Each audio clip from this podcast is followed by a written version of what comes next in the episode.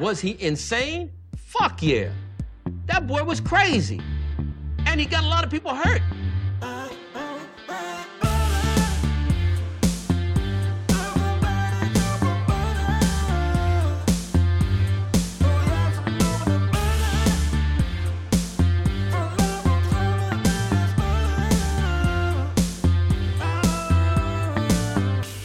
He doesn't like butter. I fucking love butter. I fucking love it. What's up, motherfuckers? Welkom bij alweer een nieuwe aflevering van de Zonde van je Tijd podcast. Podcast waarin Badder niet alleen zijn eigen tijd, maar ook uw hele kostbare tijd verdoet met het uitkramen van absolute onzin. Ik hoop dat deze podcast hierin alle veiligheid en liefde treft of zoiets. Wat is er allemaal gebeurd de afgelopen tijd? Er is een fucked up load shit gebeurd de afgelopen tijd. Ik, dit, ik eh, zoals jullie aan mijn stem al kunnen horen, ik heb geen... Normaal voordat ik altijd even ga testen, voordat ik ga beginnen met opnemen, ga ik altijd beginnen even met, een, eh, met wat stemoefeningen. Nee. Nee, nee. Ja, althans, ja, het zijn stemoefeningen, maar ik zit altijd te controleren hoe het geluid is en dat soort shit. Maar ik heb vandaag gewoon besloten om er gelijk in te duiken. Waarom? Ik heb geen flauw idee, maar je merkt het wel een klein beetje aan mijn energie. Maar je merkt nu wel dat het alweer een beetje beter gaat. Ah, fijn. Status van de wereld op dit moment. Eh, corona bestaat niet meer. En, eh, en eh, Ab Oosterhuis is ver- vervangen nu door Mart, oud-generaal Marten Cruijff, die ik nu overal zie. En, en er is, de Derde Wereldoorlog is nog niet. Althans, we zitten in de warming-up. We zitten in de warming-up, maar de wedstrijd is nog niet begonnen. Maar het, eh, iedereen als je een beetje zou kunnen kijken, ziet dat het, wordt telkens erger en erger en erger en erger. Want Poetin geen flauw idee, volgens mij. Ehm, iedereen aan de ene kant lijkt het alsof het die Russen allemaal niet lukt en zo, maar aan de andere kant.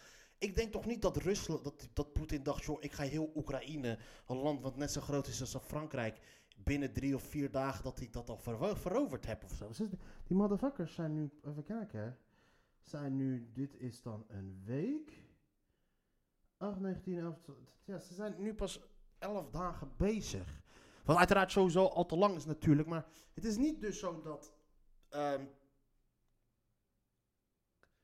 geen, een- niemand, wie zou dat, eh, toch? Oh, had ik vorige podcast had ik weer waarschijnlijk wel weer wat anders ge, Kijk, het, gaat, het verloopt niet soepel, maar het is niet dat, dat ze, dat, het is niet zo dat Poetin gedacht zou hebben, ja, ik heb binnen twee dagen heb ik het allemaal veroverd. Het is, het is fucking Oekraïne, het land is net zo groot als Frankrijk. Het is geen, weet je, het is geen Zeeland of zo.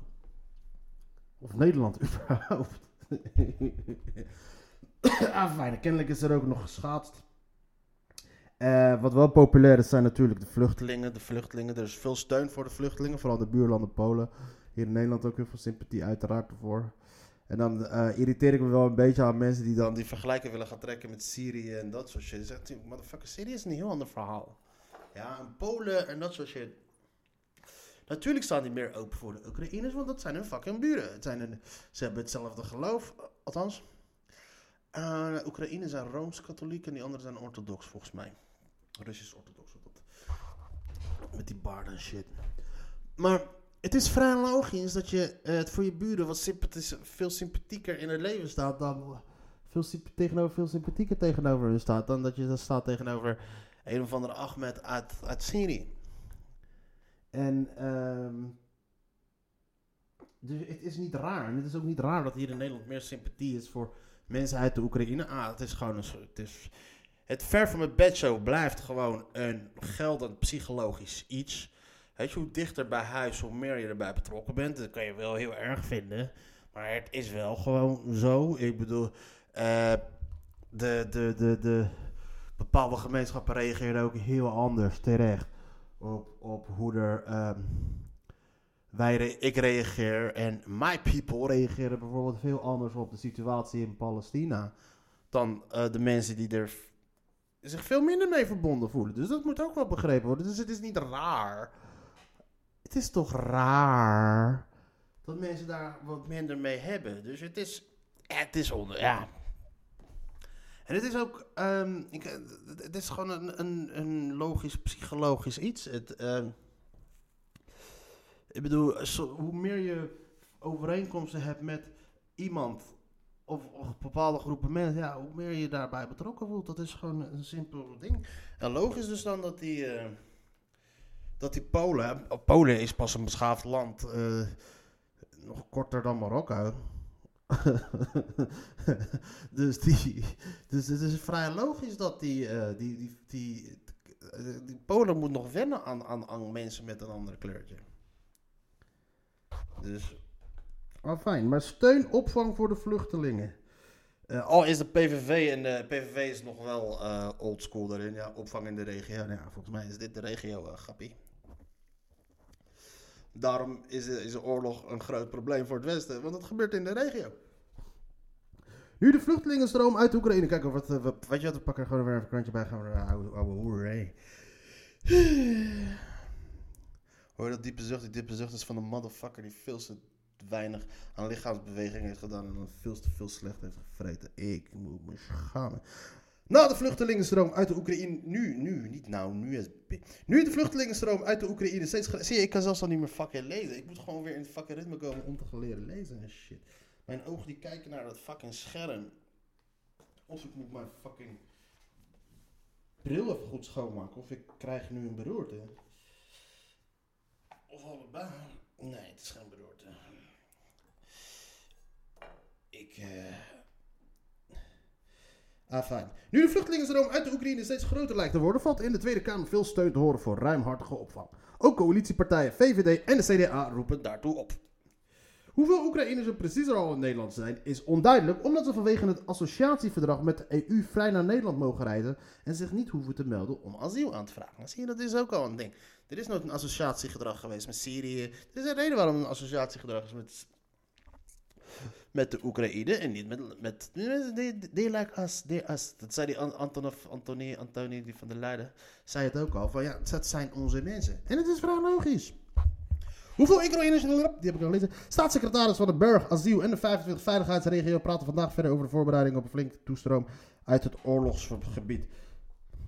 Ik denk dat ze daarvoor dat ze die Syriërs het land uit gaan schoppen. En die Marokkanen en die Algerijnen die hier zitten, jongens, ik, eh, het is pech hebben denk ik, maar jullie, die gaan ook waarschijnlijk het land uit.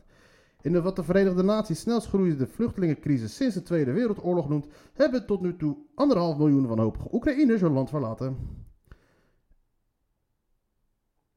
Verlaten. En de stroom lijkt niet te stoppen. Natuurlijk niet. De oorlog gaat ook nog maar steeds door. Afijn. Militairen beschuldigd van bewust schieten op burgers. Dat is wel nu een dingetje. Het is wel een fucking aardige propagandaoorlog aan het worden tussen, tussen het Westen en het Oosten. Want die, die die is nu wel fucking de held van, eh, van West-Europa. Maar hij is wel een man. Er was een gozer bij RTL 4, eh, de correspondent die ze daar hebben voor de Oekraïne, voor de. Dat is een van de allergrootste. Je, je ziet hem en die man is al een leugenaar. Ik zag al, toen ik voor het eerst zag, zat ik een beetje naar Jinek te kijken en daar zat hij. En hij is een correspondent. Het enige wat hij hoeft te doen is in principe wat is er gebeurd in dat land en that's it. Maar die motherfucker begint zich te gedragen als Siert de Vos. En als ik ergens een hekel aan heb, is het Siert de Vos.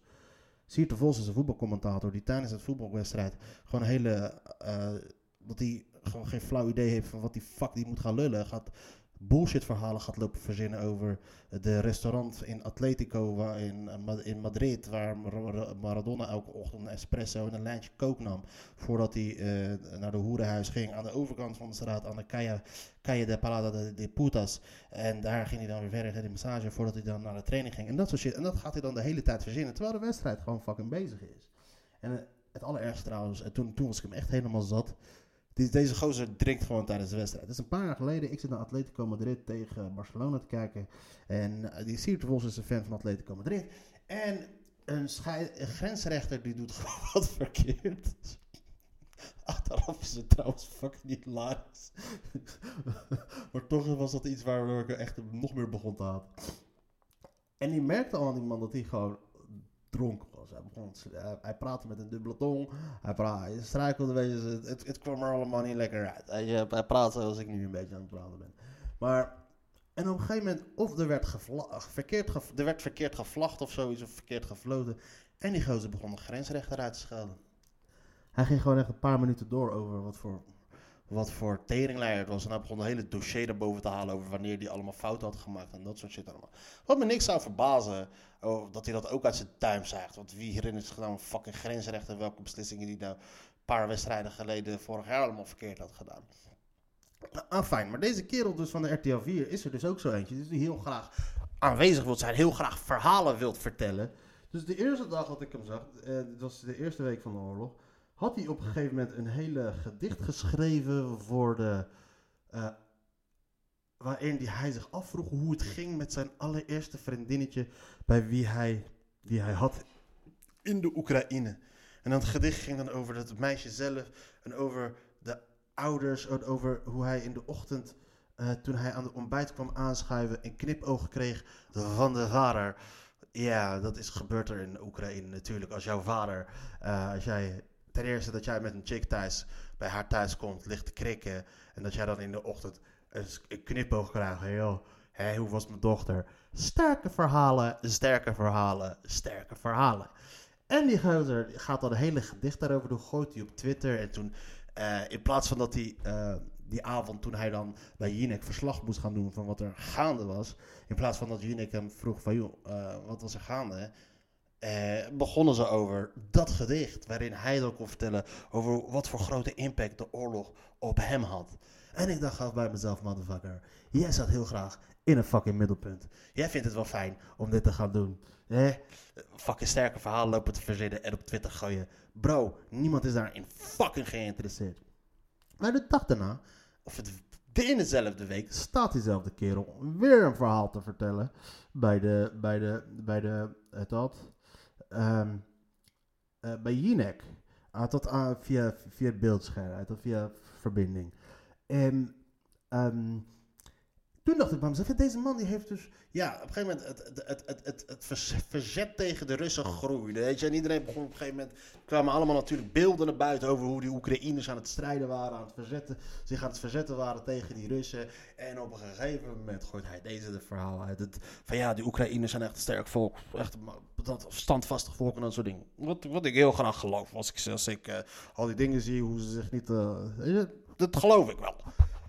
Dan komt hij daarna met een verhaal over weer een andere chick die hij heeft eh, leren kennen. Nu deze gozer is alleen maar naar de Oekraïne gegaan voor de wijven. Dat sowieso. Als, je voor elke situatie een chick kent, dan ben je gewoon een, of, of je bent een zware leugenaar, of je bent gewoon naar dat land geweest. Niet voor je studie, maar voor het krikken. Of je bent het allebei. Maar op een gegeven moment over hoe, hoe hij toevallig een chick heeft leren kennen.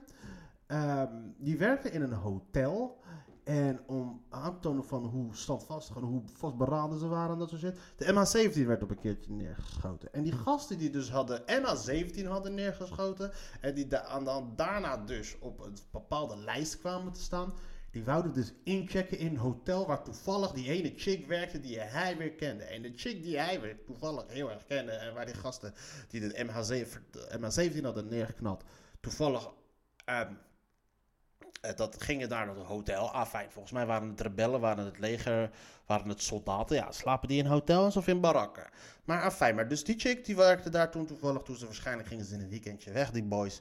Eh, en ze kwamen daar aan bij dat hotel. En ze hadden zich dus ingecheckt daar bij dat hotel. En ehm, ze werden toen op dat moment internationaal gezocht. Zover internationaal gezocht. Dat zelfs dus die chick wist wie zij waren. En toen zag ze van hun namen. En eh, weet je, en dat is wat je doet als jij gewoon eh, gezocht wordt. Dan ga je naar hotels toe en dan gebruik je, eh, dan gebruik je gewoon je echte naam. Want je weet, ja, je wordt verdacht van neerschieten van, van een vliegtuig met 180 personen. De, het, heel West-Europa wilt je hebben. En ja, wat ga je doen? Je gaat vluchten in een hotel ergens in een grote stad. En je gebruikt je eigen naam bij het inloggen, bij het inchecken bij de hotel. En die chick die werkt daar in de Oekraïne en in dat hotel. En heel toevallig kennen zij dus dan die gozer die dat verhaal ging vertellen. En die kende al die namen. En toen, ze, en toen die mensen wouden inchecken, zei ze van... Nee, nee, jullie komen er niet in. Want jullie hebben de MH17 neergeknald. En ik zag dat gasten, hoe die gasten dat vertelde. zei, jij bent een kanon grote leugenaar. Wat ben jij een leugenaar.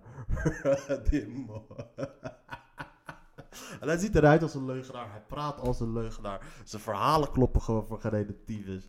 En dus dat is het fucking bizar. Dat is zelfs gewoon bij de... Bij de, bij eh, ik heb... eh, dat is gewoon hier in Nederland. Kijk, kijk d- het heel oud cliché. Maar de, als er een oorlog uit, uitbreekt, de allereerste, slag, de allereerste slachtoffer is de waarheid. Oké, prima. En ik begrijp heel erg goed van waarom de Oekraïne eh, bezig is met propaganda. Waarom de Russen dat doen met de propaganda. Dat is vrij logisch, weet je. Want propaganda is gewoon een wapen.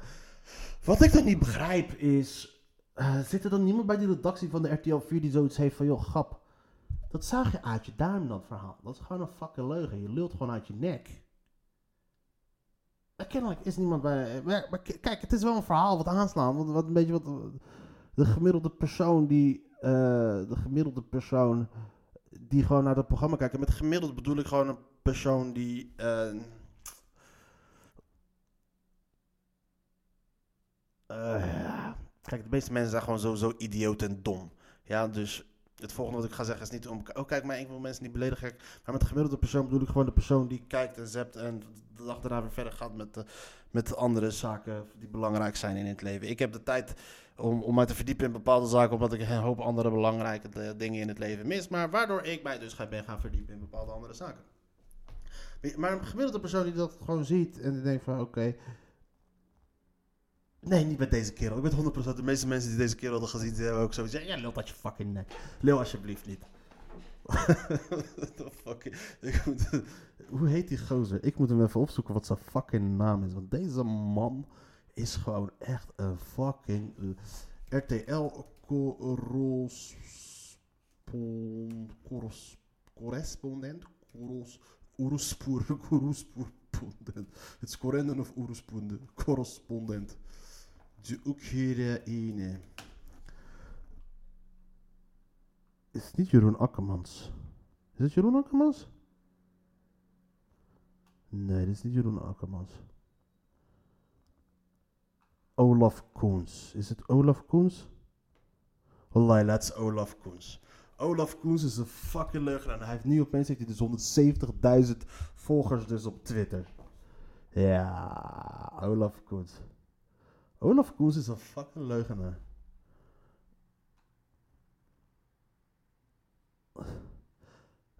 Als je hem ziet, weet je, ja, wat fuck, jij bent een fucking leugenaar. Hij, is, eh,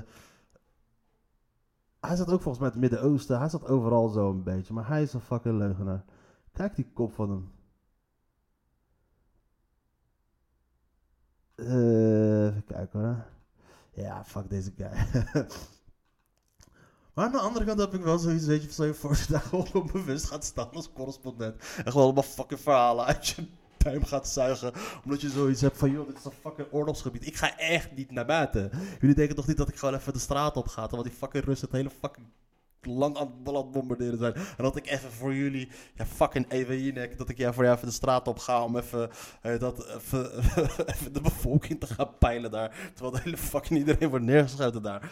Dus wat ga ik doen? Ik ga gewoon fucking shit uit mijn duim zagen. Dus hij, hij behandelt gewoon dat hele fucking werk van hem als een boekverslag van een boek wat hij niet heeft gelezen. Als hij, dat, als hij dat zegt, als hij daar ooit naar buiten komt en zegt, ja, dit is eigenlijk wat ik allemaal heb gedaan. dat hij, de hele fucking verhaal in het Midden-Oosten. Ik zat niet in het Midden-Oosten, ik zat in, uh, weet ik ik zat in... Ik zat in fucking Sharm el-Sheikh de hele leven. En elke keer als ik werd gebeld door de, door de NOS, ging ik voor een moskee staan. En begon ik gewoon te lezen wat ik heb. begon ik gewoon voor te lezen wat ik had gelezen op het internet. En daarna ging ik weer verder. Naar, ging ik weer terug naar het resort.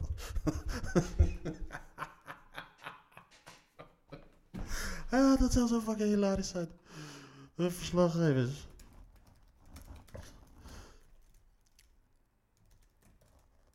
Dat zou wel de fucking allerbeste zijn. Weet je, wat, wat we hebben toen natuurlijk, je had natuurlijk die ene chick toen in Afghanistan, toen de Taliban op een gegeven moment de boel overnam, die CNN-chick die daar op een gegeven moment ging staan. De ene dag had ze geen hoofddoek, toen de Taliban had alles overgenomen, stond ze daar best met een, met een hoofddoek. Maar bij haar zag je gewoon, die zat, die zat er gewoon echt in, in. Die zat gewoon echt in, in, in, in fucking uh, Kabul daar te filmen, echt een verslag te doen van al die motherfuckers helemaal in paniek aan het raken zijn.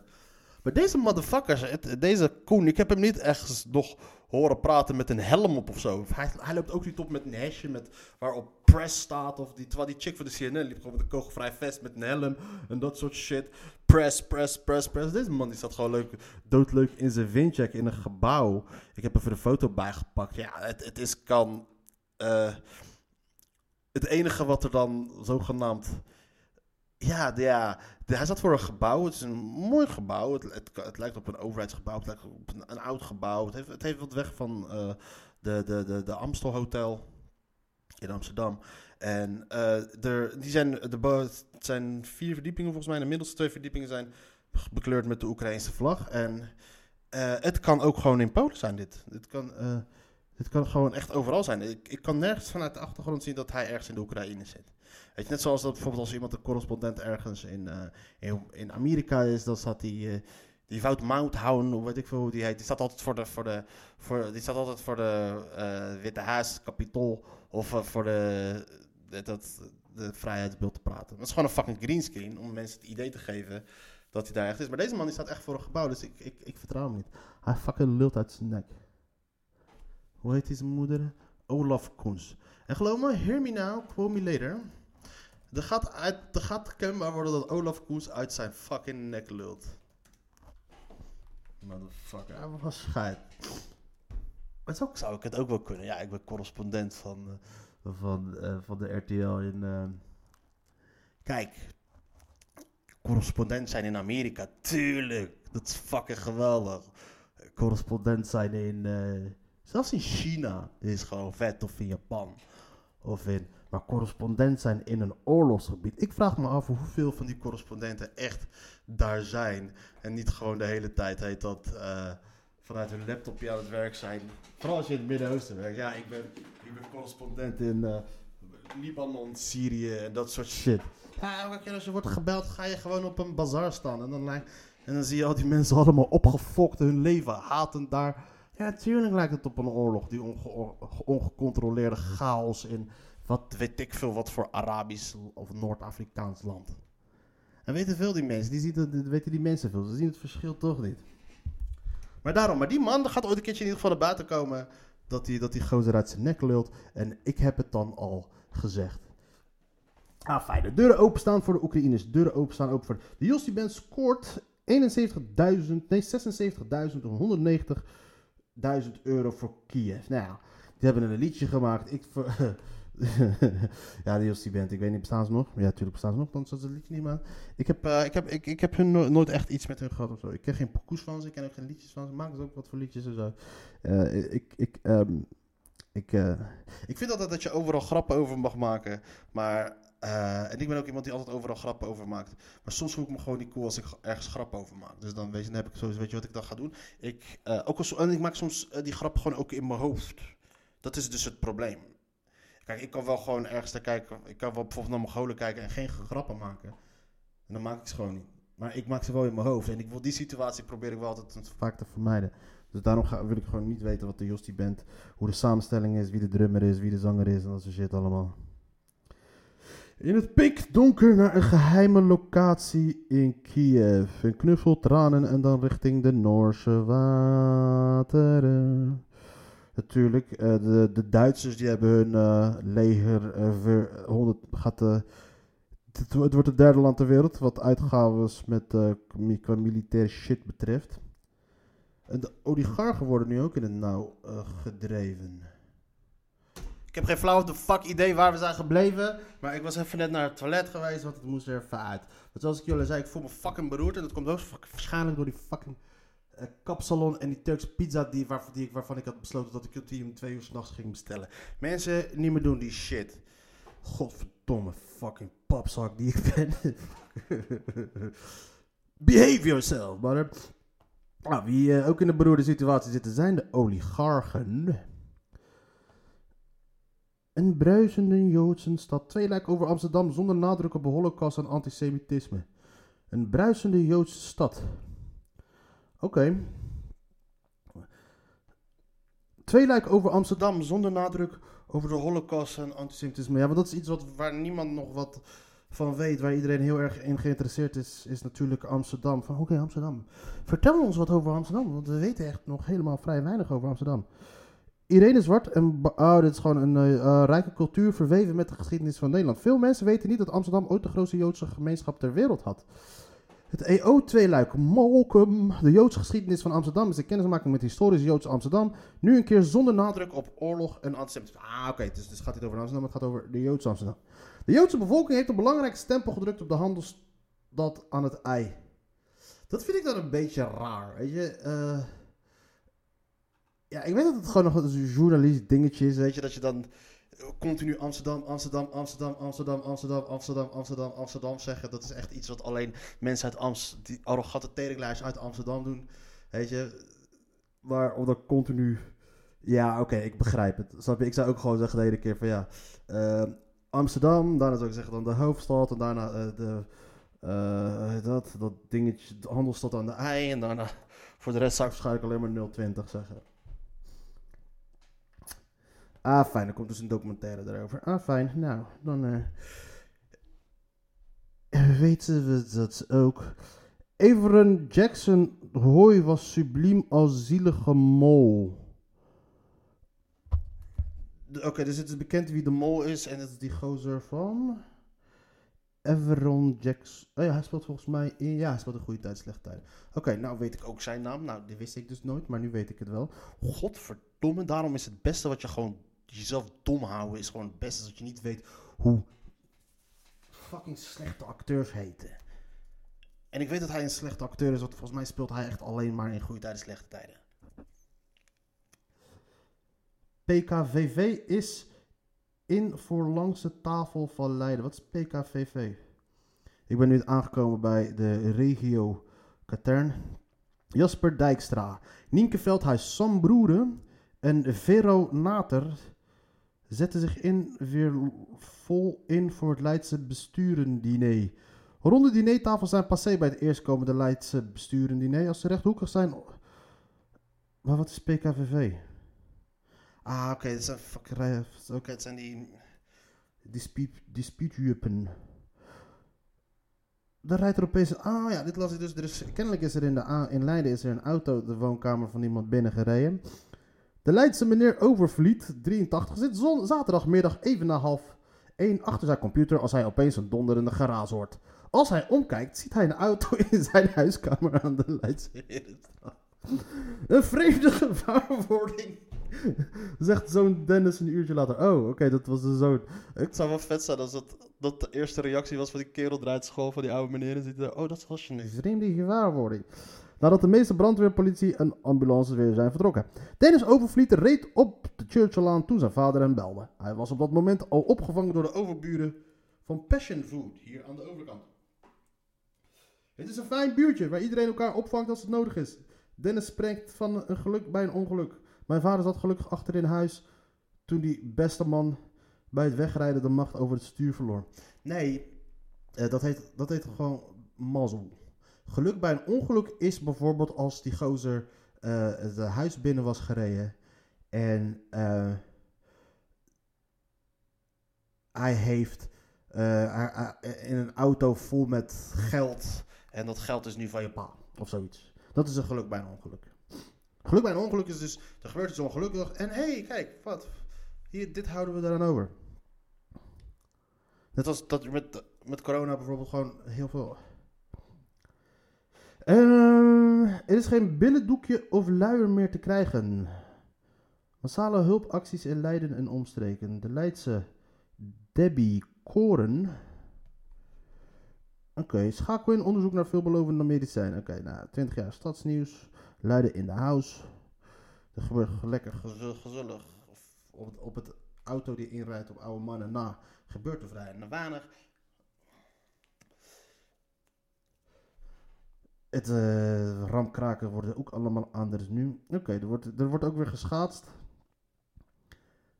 Zo vlak na de Olympische Spelen. Ajax komt weer goed weg natuurlijk. Veerman krijgt opnieuw een applauswissel. Basisplaats is tastbaar voor Cyril Dessers. Feyenoord loopt gewoon dus kennelijk gewoon nog steeds te kloten. Eh, soap als koude oorlogsvoering. Ja, deze kerel... Guido, Vins Guido Dekker, die zou naar Spij IJsselmeervogels gaan vanuit Spakenburg. Dat is hetzelfde volgens mij als je van- naar Israël zou gaan vanuit Palestina of vice versa. En eh, dat gaat nu niet door, omdat zijn familie en zo shit is bedreigd. En ehm het is gewoon letterlijke terrorisme. De familie, de hele club wordt bedreigd. Iedereen die werkt voor de clubs wordt door de hooligans van Spakenburg. Dat is helemaal cray-cray. En eh, dat is allemaal prima, want eh Rus, Poetin valt de Oekraïne binnen. En ehm, inspiratie in Lake Placid, Cheeky. Nou, dit was hem dan voor vandaag. Het is eh 29 en een halve minuut, maar ik moet gaan zien te kijken of ik het... eh 30 minuten. Ik heb mezelf er nu voor. Ik heb het al vaak gezegd. Elke keer zeg ik van joh, ik ga, ik ga het vaker doen. Ik ga, ga ik lopen. Ik ga vaak een podcast opnemen. Zoals jullie weten, we- neem ik deze podcast op om eh, gewoon wat soepeler te gaan houden. En je merkt als je dan een tijdje niet doet, dat het allemaal wat lastiger wordt en zo. En ehm, nu ga ik het zeker vaker doen. Gewoon elke dag een half uur. Minimaal ouwe hoeren, zonder van je tijd. Niet alleen uw tijd verkloten. Niet alleen mijn tijd verkloten, maar ook uw tijd verkloten. Ik wil u hartelijk danken voor het luisteren. En voor het geval dat je nog niet hebt laten vaccineren, laat je vaccineren. Ook, laat je vaccineren tegen corona, maar laat je ook vaccineren met, eh, met, met jodium tegen de eventuele nucleaire stralingen die binnenkort onze kant op komen. En eh, iedereen met een dubbel paspoort, maak gebruik van die dubbel paspoort. Hou het, eh, dubbel paspoort moet je gewoon, ge- moet je gewoon eh, bekijken als een, het is gewoon een motor die je, die hebt laten schorsen. En die, eh, eruit, die moet je gewoon ook niet pas weer gaan controleren hoe het met je auto gaat. Het moment dat je, met je motor, het moment dat je hem nodig hebt. Maar je moet gewoon voor zorgen dat het, gewoon goed voor zorgen dat alles, alle blaadjes soepel over worden geslagen. Dat je alles, alle stof eraf halen. Gewoon even laten luchten, laten ademen. En gewoon goed naar kijken en genieten van je dubbele nationaliteit. Weet je? ik dacht altijd dat ik die dubbele nationaliteit alleen pas nodig zou gaan hebben voor het geval als de dijken hier gaan doorbreken. Maar kennelijk eh, is er ook wat gebroken in, in, in, in- bij onze goede vriend Poetin daar. En dan komt daar zo'n ding ook eh, heel goed van pas. Daarom, mensen, ik eh, wens jullie eh, peace out.